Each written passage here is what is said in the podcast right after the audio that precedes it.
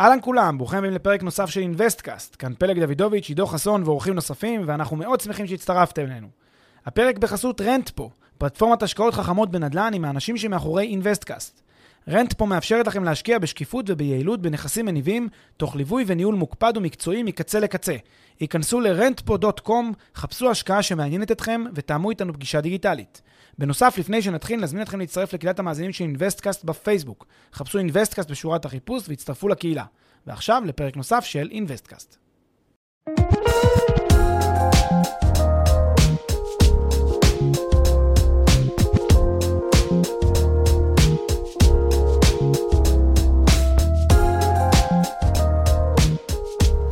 אהלן פלג, בוקר טוב. אהלן עידו. מה העניינים? נפלא, מה שלומך?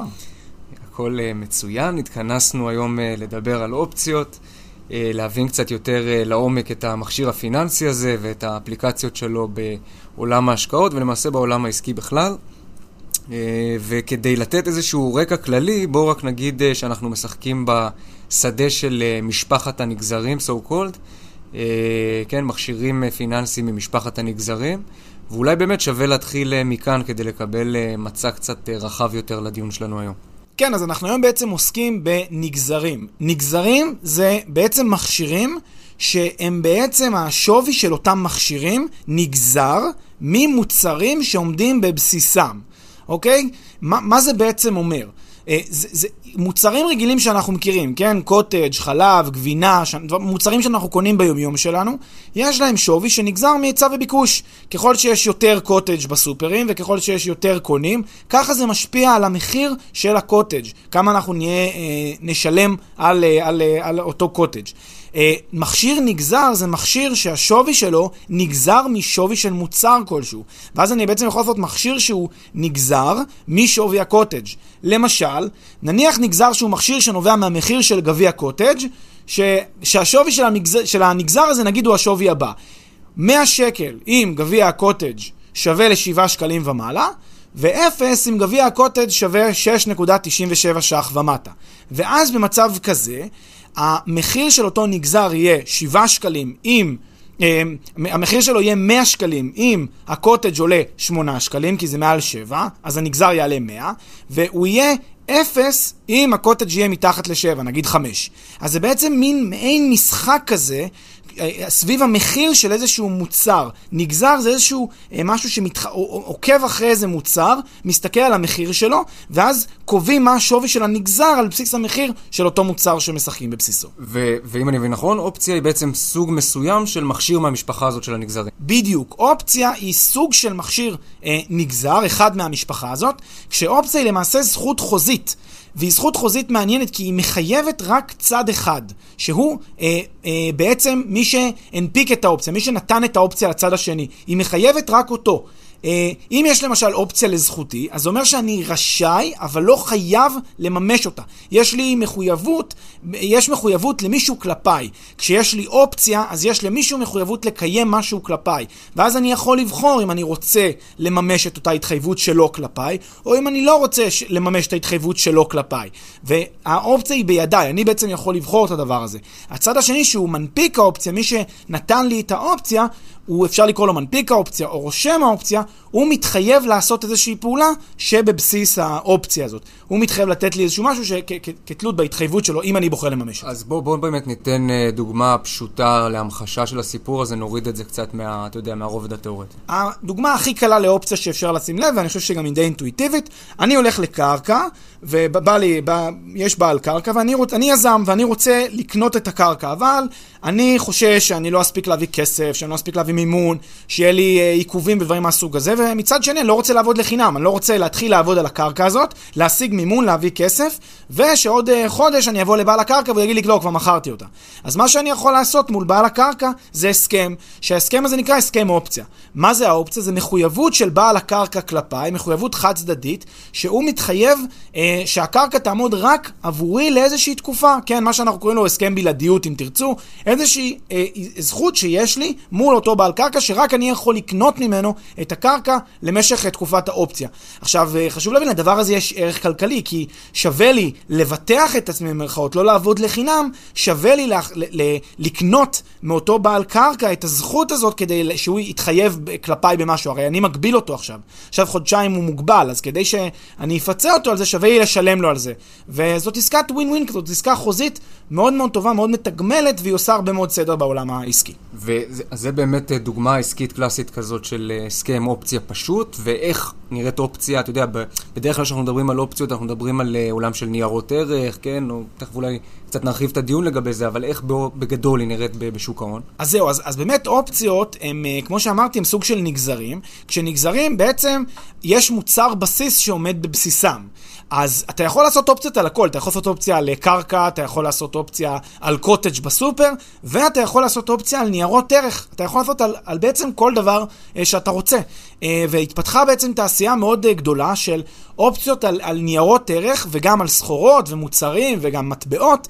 אה, בעצם מעין משחק כזה שהוא בין שני צדדים, יש לו אגב יישום מאוד חשוב בעולם אחר, שאולי ניגע בזה לקראת הסוף, היישום מהצד דווקא של גידור, מהצד של ביטוח מסוים, אז אולי גם נדבר על זה תכף, אבל בעצם התעשייה הזאת באמת התפתחה לעולם של ניירות ערך, סחורות ומטבעות, ואז בעצם אני, מה, מה בעצם אני עושה פה? אני עושה עסקה רצונית בין שני אנשים, שהיא עסקה על איזשהו משהו נגזר. מה זה המשהו הנגזר? הוא נגזר ממוצר בסיס שהוא נייר ערך. ואז אני יכול לעשות נגזר שהוא מניה, נגזר על, על אג"ח, נגזר על, על מדד כלשהו, נגזר על דולר, ואז בעצם המשחק שאני עושה עם מישהו אחר הוא לגבי מה יהיה עם המניה הזאת, מה יהיה עם המטבע, עם, עם, עם המטח. בשנה, שנתיים הקרובות. אני עושה איתו, אני עושה עם מישהו חיצוני איזושהי עסקה על מה יהיה שווי הנכס הזה ביום שאחרי. יפה, אז בואו באמת נעמיק אה, קצת את הדיון לגבי אופציות ספציפית בשוק ההון, ובתור התחלה אני מציע ש...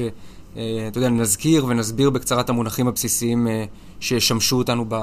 20-30 דקות הקרובות. אוקיי, okay, אז המונח הבסיס, המונחים הבסיסיים של, ה, של עולם האופציות, זה בהתחלה זה, עולם, זה מתחיל מהמנפיק. המנפיק או כותב האופציה, שזה בדרך כלל הבן אדם שמולו אני עושה את, ה, את העסקה שהיא על נכס בסיס כלשהו. אוקיי? אז הוא זה שמתחייב כלפיי לבצע משהו, שאותו משהו מוגדר בתנאי האופציה, הוא המנפיק. עכשיו, כאן אפשר להבחין בין מנפיק שהוא אה, יחיד, שהוא לא קשור ל, ל, ל, כן, לחברה שניירות הערך הם שלה, לבין מנפיק שהוא בעצם החברה, שזה נקרא וורנט. כן, כשהחברה עצמה, שיש לה ניירות ערך נסחרים, מנפיקה אה, אופציות, למשל, דוגמה מאוד אה, קלאסית לזה, זה אופציות לעובדים, אז בעצם החברה אומרת, שימו לב, אני הולכת להנפיק מניות שלא קיימות כיום במסחר, להנפיק מניות נוספות, אותם אני אקצה לעובדים אם נעשה 1, 2, 3, 4, אם יקרה 1, 2, 3, 4, ואז זה סוג של אופציה, כשבעצם נכס הבסיס שבבסיס האופציה זה מניות החברה. רק שהמניות האלה עדיין לא הונפקו. אבל למעשה רוב, רוב המסחר באופציות הוא לא באופציות שהם, אה, ש, שחברה הנפיקה אותם, לא בוורנטים, אלא אופשן מה שנקרא, שזה בעצם מסחר בניירות ערך שכבר נמצאים במסחר בבורסה. בעצם אני עושה מסחר באופציות על ניירות הערך. ואז כל אחד יכול להיות המנפיק. אני יכול לכתוב מחר על דף, שכן, זה כמובן זה יש, יש דרישות והוראות חוק לדברים האלה, זה לא כזה פשוט, אבל תאורטית כל אחד יכול לכתוב על דף, אה, אני מתחייב למכור לך נייר ערך כזה וכזה במחיר כזה וכזה, וזהו. ואם לנייר הערך הזה יש תוקף משפטי והוא אכיף, אז הנה עשינו הסכם אופציה. ואז הקונה יכול להחליט אם הוא רוצה לממש את האופציה או לא לממש את האופציה, שוב, כתלות בשאלה, בפוזיציה, במצב הספציפי שיהיה, וזה תכף נדבר כדוגמאות. ומי באמת, באמת בדרך כלל הם כותבי האופציות? אז יהיו אה, או גופים אה, שהם מוסדיים, בתי השקעות, גופים שנותנים שירותי ביטוח למשל, שירותי גידור, הם בדרך כלל אלה שכותבים אופציות, ואחר כך ברגע שזה, זה גם לא משנה, כי ברגע שאתה זרקת את האופציות האלה למסחר ואפשר לסחור באופציה, אז, אתה, אז אנשים יכולים לקנות ולמכור את האופציה הזאת ביניהם, כלומר, תוך כדי תנועה, זה לא משנה מי בסוף יממש בשרשרת את האופציה, בדומה לאג"חים, כן? אג"ח, חברה מנפיקה אג"ח, עכשיו היא מנפיקה ל-100 שנה, או מדינת ישראל מנפיקה עכשיו אג"ח איגרת חוב ל-100 שנה, הרבה אנשים יחליפו ידיים באג"חים האלה בדרך. אפילו שאף אחד מהם הוא לא המנפיק של האג"ח. האג"ח הזאת, הוא ברגע שהוא קנה אותה, הוא מחזיק עכשיו במשהו שיש לו ערך כלכלי, הוא יכול למכור אותה לאחר, ואז ככה הם מגלגלים את זה ביניהם. כמו שוק יד שנייה. כמו שוק משני, בדיוק. זה המשמעות של אה, ההבחנה בין שוק ראשוני לשוק משני, וזה שוק משני. אז בעצם אופציות יכולות להיות גם בשוק המשני, וזה מה שאמרנו בדוגמה ההיא. אז זה המנפיק. המנפיק זה בעצם השאלה אם אנחנו בשוק הראשוני או בשוק המשני. המונח השני ששווה לדבר עליו זה מחיר האופציה. מחיר האופציה זה המחיר שבו קניתי את האופציה. אם אתם זוכרים בדוגמה שאמרנו קודם על זה שאני בא לבעל הקרקע וקונה ממנו את, ה, את האופציה, אני צריך לשלם לו על זה כסף. הוא לא בחינם ייתן לי את הדבר הזה, אז יש לזה מחיר. למעשה, מהצד של מי שכותב את האופציה, מי שמנפיק את האופציה, זה בעצם הרווח שלו. עצם העובדה שאם זה יצליח, כן? הוא בעצם כותב אופציה לטובתי, אנחנו תכף נסביר מתי זה יצליח, איך זה יצליח, מה התנאים, אבל כעיקרון, אם זה מצליח כמו שהוא תכנן, הרווח שלו יהיה המחיר של האופציה, כמה ששילמתי, על הנייר שהוא כתב, על ההתחייבות שלו כלפיי. זה בעצם המחיר של האופציה, כמה ששילמתי כדי אה, לקבל את הזכות הזאת, כדי לקבל את האופציה הזאת. זה מחיר האופציה. המונח הבא הוא מחיר המימוש. מחיר המימוש זה המחיר שבו אני אוכל לממש את האופציה. אופציה בדרך כלל מדברת על איזושהי פעולה שאני יכול לבצע. בין אם זה לקנות, בין אם זה למכור. אה, נייר ערך או מטח או כל דבר אחר. אה, ל, ל, בעצם יש כאלה שקוראים לזה תוספת המימוש. למה קוראים לזה תוספת? כי, כי קודם אמרנו שאני קונה את האופציה במחיר מסוים. אז עכשיו השאלה כמה אני צריך להוסיף על מנת לממש. אני קורא לזה פשוט מחיר המימוש. מחיר המימוש זה כמה עכשיו אני צריך לשלם כדי לקנות את אותה אה, מניה לצורך העניין, או כדי לקנות את אותו מטבע, או כדי למכור את אותו מטבע. אנחנו תכף נבין בדיוק אה, באיזה, באיזה זווית מדברים על זה. אז זה מחיר המימוש. מועד הפקיעה. כל אופציה, כל הסכם יש לו תוקף, ומועד הפקיעה זה המועד שבו הסכם האופציה אה, תוקפו יפוג.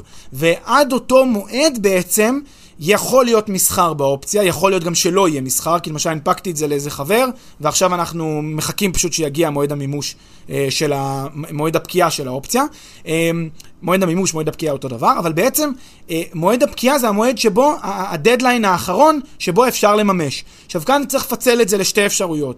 יש אופציות שהן הרוב, שהן מבשילות ופוקעות באותה נקודה בדיוק, זאת אומרת זו הזדמנות חד פעמית. אתה יכול לבוא אליי בתאריך הזה והזה, נגיד הראשון לראשון 21, להגיד האם אתה רוצה או לא רוצה לממש את האופציה. אם אתה בוחר שלא, האופציה פוקעת. זאת, רוב, זה רוב האופציות שקיימות, אבל יש גם אופציות שהן מה שנקרא עד למועד הפקיעה, או עד למועד המימוש, שזה בעצם אומר, מעכשיו ועד למועד המימוש, עד למועד הפקיעה, אתה יכול לתת לי הוראה לקנות, לממש את האופציה. זה נהוג בדרך כלל בחוזים מסחריים, זה נהוג בדרך כלל בהקצאות מניות, הרבה פעמים לעובדים עושים דברים כאלה, כלומר יש, זה לאו דווקא מועד פקיעה חד פעמי, אלא מועד מתמשך כזה. שוב, גם אז יהיה איזשהו דדליין לפקיעה, אה, כי תמיד מגבילים את חוזי האופציה כדי שאנשים לא יהיו עם אה, חבות נצחית כזאת בכל מצב. אה, בכל מצב אה, כזה או אחר. כמובן שיכולה להיות גם פקיעה שהיא כפויה, מה שנקרא, אם נכס הבסיס פקע. למשל, אם אני עשיתי אופציות על איזושהי מניה, והחברה נסגרה, התחסלה, והמניות שלה אה, פשוט אה, נמחקו ממסחר, אז, אז הנה האופציה פוקעת בגלל הטבע של המניה הזאת, שאי אפשר, אין נכס בסיס, אז, אז אין מה לעשות אופציה יותר. אז זה בעצם הביטוי של מועד הפקיעה. הפקיעה. עוד שני מונחים זה שווי הנכס במועד המימוש. בעצם מה שעושה אותו אה, זכאי בבסיס האופציה, אותו מי שהנפיקו לטובתו את האופציה, הוא בעצם בודק מהו שווי הנכס במועד המימוש, והוא יחליט אם לממש את האופציה אם שווי הנכס במועד המימוש תואם את מה שהוא רוצה.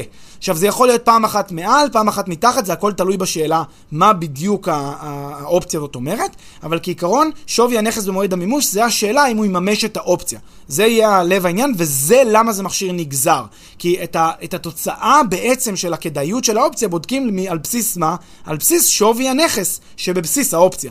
אז אם אני מדבר על uh, מניה, אז אם שווי הנכס תואם את מה שציפיתי, שווי המניה תואם את מה שציפיתי, אני אממש. ואם הוא לא תואם, אני לא אממש. ואז יש, זה, זה בעצם האופציה שעומדת לרשותי. ומונח אחרון זה שווי האופציה.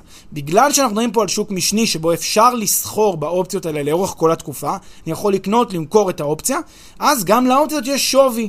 וככה מאוד ככה אינטואיטיבית, מה נגזר השווי של האופציה?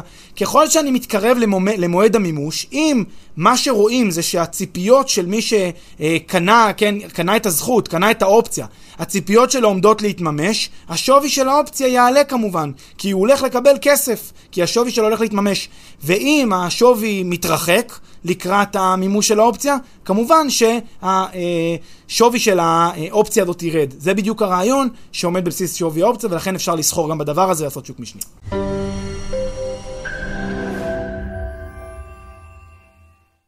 לפני שנמשיך, כמה שניות מזמנכם. הפרק בחסות רנטפו, פלטפורמת השקעות חכמות בנדל"ן עם האנשים שמאחורי אינוויסטקאסט. רנטפו מאפשרת לכם להשקיע בשקיפות וביעילות בנכסים מניבים, תוך ליווי וניהול מוקפד ומקצועי מקצה לקצה. היכנסו ל-rentpo.com, חפשו השקעה שמעניינת אתכם, ותאמו איתנו פגישה דיגיטלית.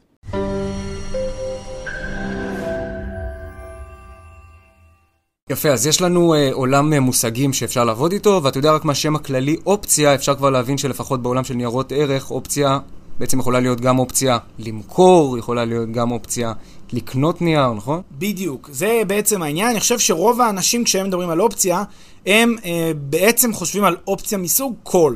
אופציית call, כן, אה, עונה, אה, קורא ל, ל, ל, לנכס. זה בעצם, אה, או, או כן, אני מסכים בעצם ל, ל, ל, לנכס, זה בעצם אופציה לרכישת הנכס. מה זאת אופציית call, שזו האופציה הסטנדרטית ביותר? אופציית קול היא זכות לקנות נכס במחיר מימוש מסוים עם מועד פקיעה מסוים, כן? זה בעצם איזושהי הנחה שלוקח, אה, אה, קונה האופציה, שלפיה המניה, הנכס שבבסיס האופציה, יעלה בערכו. אוקיי? אני היום חושב שמניה מסוימת מתומחרת בחסר. בחסר זה אומר שהשווי שלה הולך לעלות במסחר, ולכן אני מוכן לקנות איזושהי אופציה שהאופציה תאפשר לי לקנות בעוד תקופה מסוימת את המניה הזאת במחיר שנמוך מהמחיר שאני חושב שהיא תגיע אליו. אוקיי? שאותה מניה תגיע אליה. והרווח שלי יהיה מה? בדיוק הפער בין כמה שהיא הגיעה בפועל לבין כמה שאני צריך לשלם. אז זה בעצם הלב של העניין. אז בואו ניקח איזושהי דוגמה מספרית כדי שנמחיש את זה בצורה פשוטה. נגיד יש מניה שהיום נסחרת לפי שווי של 100 שקל. אני מאמין שהמניה הזאת תעלה מעל 150 שקל בתוך שנה. אוקיי? זה מה שאני חושב שהולך לקרות עם המניה הזאת. אני, משתלם לי, אם אני מאמין שזה יעלה מעל 150 שקל, אני משתלם לי היום לקנות אופציה. נניח האופציה הזאת מוצעת לי במחיר של 20 שקלים. והאופציה אותה, על פי תנאי האופציה, בתום 12 חודשים, אני אוכל לקנות ממי שהנפיק לי את האופציה, את אותה מניה במחיר 150. פייר? הנה עסקה. אומרים לי, תשמע, אתה משלם 20 היום, כדי שבעוד שנה תוכל לקנות מניה במחיר 150. עכשיו, אתה אומר לעצמך, רגע, בוא, בוא נחשוב באיזה סיבה כדאי לעשות את זה. מתי כדאי לעשות את זה? כדאי לעשות את זה אם אני חושב שהמניה תעלה מעל 150, ואפילו משמעותית מעל 150, כי אני יודע שגם שילמתי 20 על האופציה.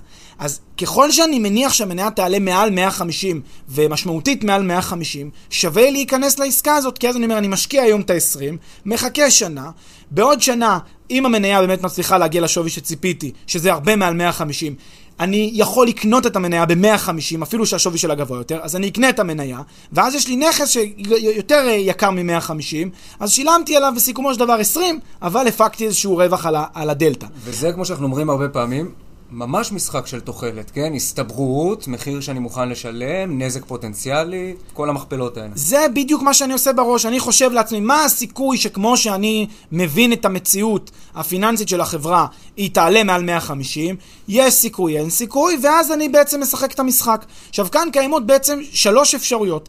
אפשרות ראשונה, מחיר המניה עולה כמו שציפיתי, נגיד ל-200 שקל. במקרה כזה, מן הסתם, עברה שנה, המחיר 200, למה שאני לא אממש את המניה, את האופציה? אז אני מממש את האופציה, קונה את המניה, מה אני משלם? אני משלם רק 150, כי זה מה שמי שהתחייב לתת לי את האופציה התחייב. אז אני משלם לו 150, ואז אני מרוויח כמה? 30. למה 30? כי שילמתי מלכתחילה 20, ועכשיו הרווחתי בעצם אה, את החמיש... הכנסתי 50, שזה הפער בין 200 ל-150. אז שילמתי 20, הכנסתי 50, אני ברווח של 30. אחלה של עסקה. אה, שימו לב על, ה- על, ה- על, ה- על האקוויטי שלי ששמתי אותו, שזה היה 20 הלכתחילה, הפקתי, אה, כן, 30. זה תשואה מדהימה, שכן אפשר לחלום עליה. כמובן שמספרים יותר גדולים ככל שהמחיר המניה הרבה יותר גדול במועד המימוש שלה. שווי הנכס יותר גדול במועד המימוש שלו, אז אני אפיק רווח הרבה יותר גדול. אבל הנה ככה, הצלחנו להראות בצורה מאוד פשוטה, שהפקנו 30 רווח על אותם, אה, על אותם 20, אה, בצורה מאוד, אה, מאוד יפה. אז זו האופציה הראשונה. האופציה השנייה, מחיר המניה עלה ל-160, הוא לא עלה כמו עכשיו ל-200, הוא עלה רק ל-160. מה קורה עכשיו? שימו לב, אני, יש לי זכות לקנות את הנכס, את המניה, ב-150. אז, אה, ושילמתי על הזכות הזאת 200. עכשיו, המניה שווה 160. אז אין סיבה שאני לא אממש את הזכות, כי הרי אני, יש לי פה 10 שקל שאני יכול להרוויח אותם. אז בוודאי שאני אממש. אבל, הפעם אני מפסיד בעסקה. כי שילמתי את ה-20 לכתחילה, והצלחתי להרוויח באופציה רק 10. אז אני במינוס 10. בעצם, מה שעשיתי היה כשמימשתי את המניה, כשמימשתי את האופציה, מה שבעצם עשיתי היה קיזוז של ההפסד. קיזוז של אותם 20 התחלתיים שיצאתי איתם לדרך, אז אני רק מקזז את ההפסד. זה בעצם התרחיש השני. התרחיש השלישי הוא שהמניה לא הצליחה להגיע למחיר המימוש שאני ציפיתי. היא לא הצליחה להגיע ל-150, למשל היא הגיעה ל-140, ל-120, אולי אפילו ירדה בערכה, אולי בדיוק 150. במצב כזה אין שום משמעות למימוש של האופציה, אין שום סיבה שאני אשלם על המניה הזאת 150 כשאני יכול לקנות אותה בשוק, ב-120. אז אני לא אממש את האופציה, ואז מה הפסדתי? את אותם 20 התחלתיים. זאת אומרת, באופציית קול, תקרת ההפסד שלי היא תמיד מחיר האופציה, המחיר שקניתי את האופציה מלכתחילה. זה דבר מאוד מרכזי. כשקונים אופציה, המקסימום שאתה יכול להפסיד, מהסוג של קול, כן? המקסימום שאתה יכול להפסיד זה את מה ששילמת, את מחיר האופציה, אה, וזה שונה משורטים שבהם אתה בעצם חשוף משני הצדדים, ותכף נגיע לדבר הזה. רק אני אגיד איזה מילה, שבעצם אה, אה, יש בעצם שלוש אפשרויות לאורך התקופה של הבשלת האופציה, בעצם שעושים מסחר באופציה, יש שלוש אפשרויות. אם במהלך המסחר, נניח עכשיו אנחנו מסתכלים במסחר ואנחנו רואים שהאופציה, שהמניה הגיעה ל-160 ויש עוד כמה חודשים עד למועד, ה, למועד הפקיעה שלה, אז אנחנו נאמר שהאופציה היא בתוך הכסף. כי כבר עכשיו, כל מי שלכאורה, אם היינו יכולים לממש את האופציה הזאת היום, כבר עכשיו היינו ממשים אותה ברווח, כן? כי יש פה 150 מחיר מימוש, והיא ב-160. ולכן זה נקרא בתוך הכסף, כי אני כבר עכשיו, לאופציות יש רווח מסוים. אז זה בתוך הכסף.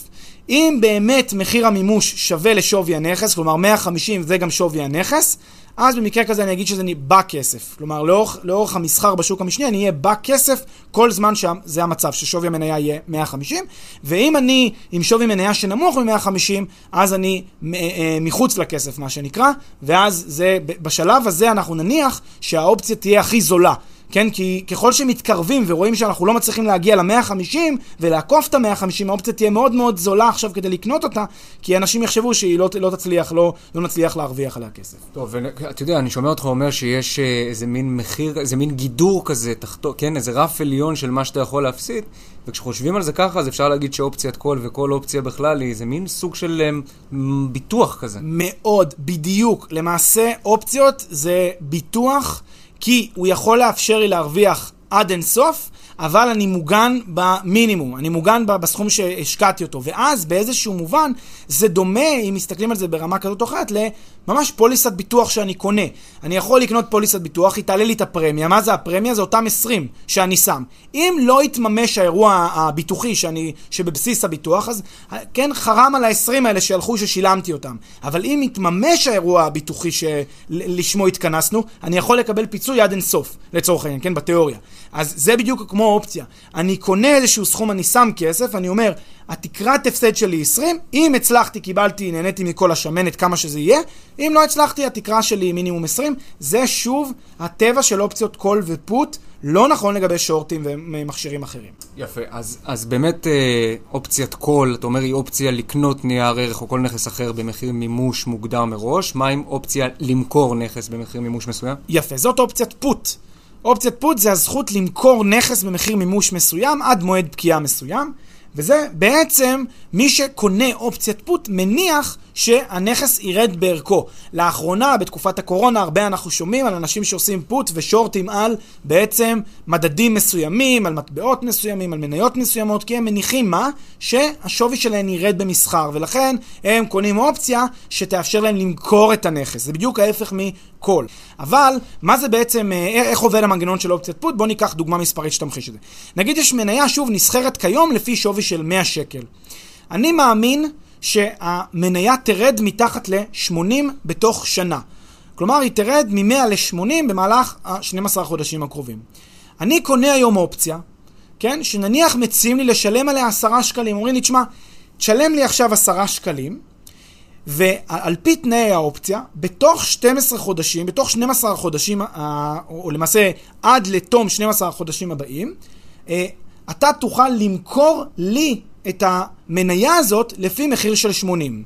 מה זה בעצם אומר? זה בעצם אומר את הדבר הבא, אני עכשיו קונה ממישהו אופציה למכור לו את אותה מניה ב-80. מה, מה ההיגיון מהצד שלו? הוא חושב ככה, הוא חושב שהמניה אה, לא תרד בערכה מתחת ל-80, אז הוא אומר, אם היא לא תרד בערכה מתחת ל-80, הוא לא יממש את האופציה, ולכן מה הרווחתי? את מה שהוא שילם לי עבור רכישת האופציה. אותו מחיר אופציה. אה, שזה בעצם הרווח שלו, אם הוא הצליח. מה אני צופה להרוויח? אני צופה ששווי המניה ירד מתחת ל-80, נגיד 70. אם הוא ירד מתחת ל-80, אני עדיין אוכל למכור לאותו בן אדם את המניה הזאת ב-80, והוא מתחייב לקנות ממני אותה. ולכן, אם אני מתחייב למכור, אם הוא מתחייב לקנות ממני ב-80, ו- ואני יכול למכור לו את המניה ב-80, הרווחתי בדיוק את הדלתא ביחס לשווי המניה הזאת בשוק. וזה בדיוק הרעיון של אופציית פוט. אז uh, ניתן איזושהי דוגמה ככה uh, של, של שלוש האפשרויות שיכולות להיות כאן. האפשרות הראשונה זה שהמניה תרד מתחת ל-60 שקלים.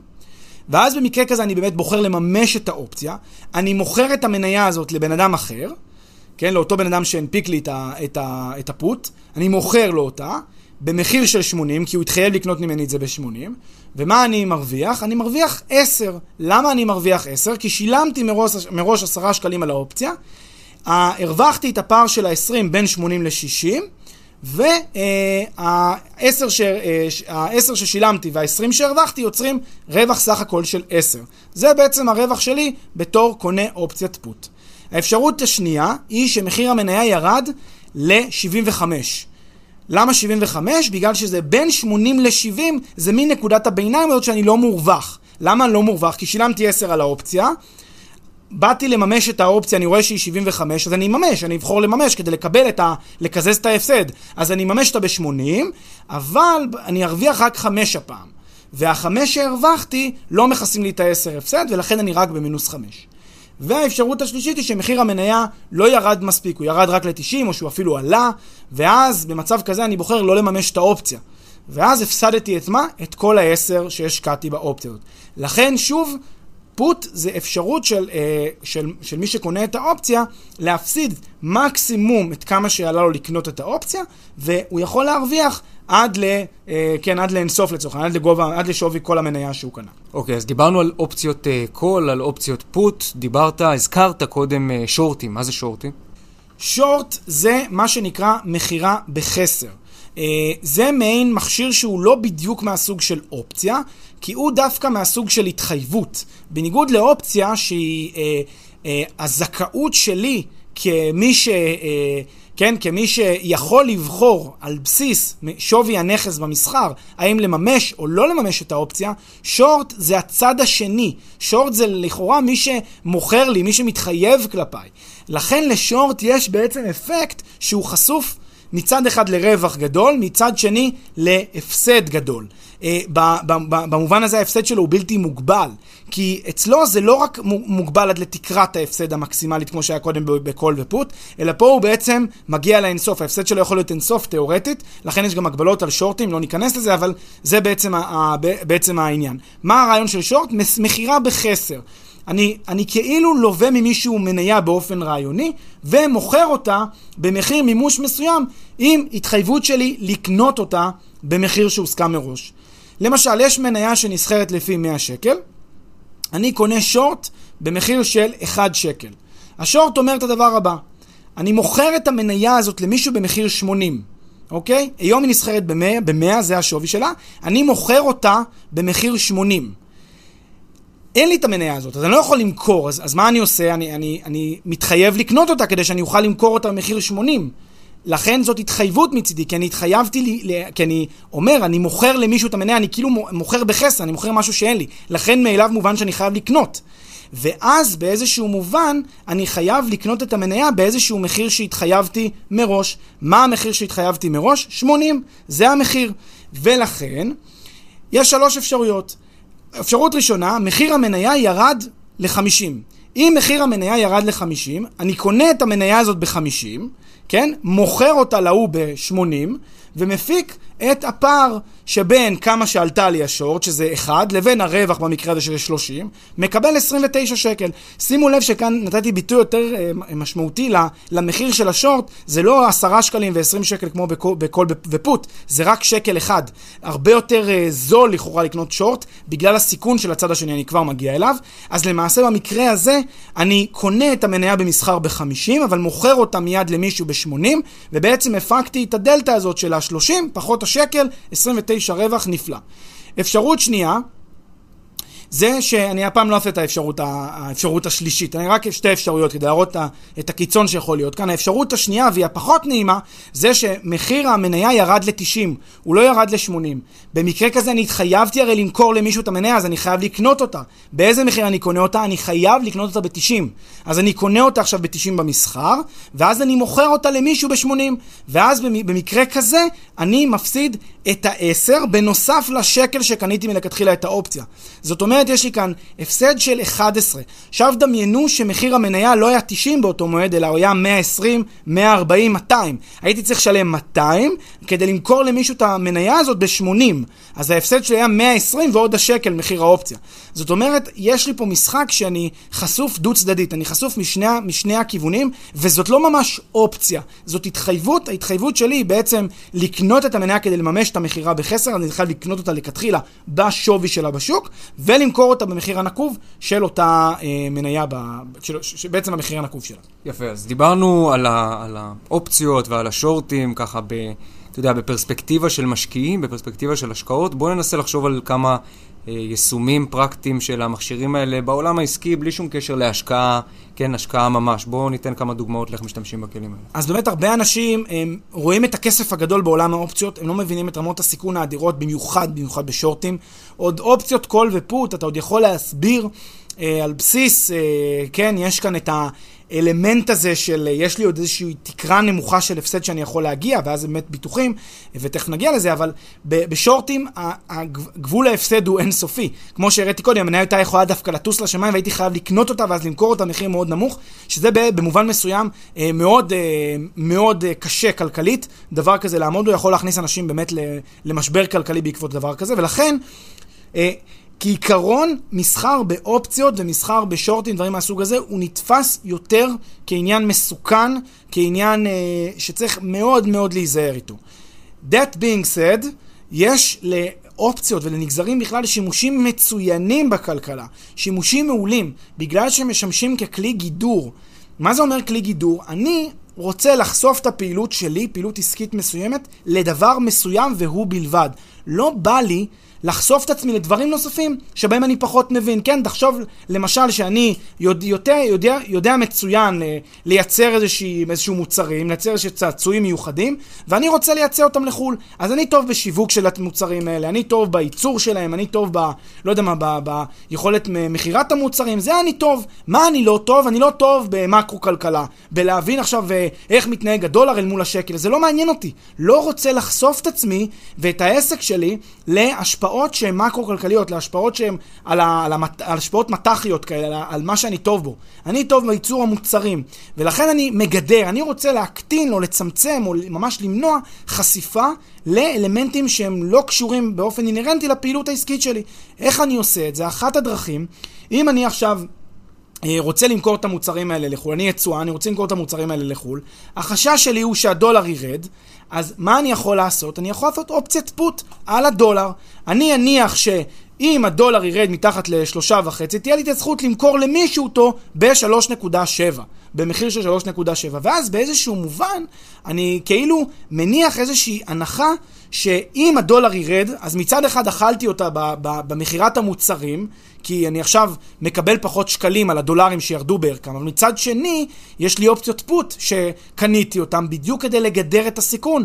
ואז באמצעות זה שקניתי את אופציית הפוט, פתאום הרווחתי על האופציות. כי אם באמת הדולר ירד, אז הצלחתי להרוויח כסף מהאופציות האלה ש, אה, שבעצם קניתי.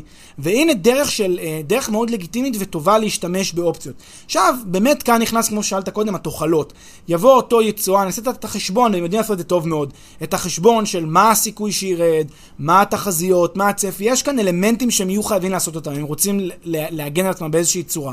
אבל אה, זאת דרך לגיטימית שבאמצעותה אפשר יהיה לעשות איזה שהם גידורים, איזה שהם, אה, איזה שהם אה, כן, צורה מאוד טובה לשליטה. אגב, זה גם רלוונטי מאוד לאלמנטים של מטח והגנות על מטח והשקעות גם בחו"ל. אה, זה מתכתב עם הפרק שלנו של, אה, של אה, איך בעצם לצמצם חשיפות מטח, אז אחת האפשרויות זה דרך אופציות על אה, מטבעות. שוב, במינונים נכונים, בכמויות נכונות מתוך התמיל, לא להפוך את זה ללב העניין. יפה, ואולי באמת אה, כדאי להקדיש אה, פרק לגידור באופן כללי, ואתה יודע, לחשוב גם על הטכניקות האלה באמצעות כל מיני אופציות ומכשירים פיננסיים כאלה, קצת פחות אה, במיינסטרים, נקרא לזה ככה. אה, שווה, שווה, שווה לחשוב על זה. לגמרי. טוב, תודה רבה. תודה, עידו.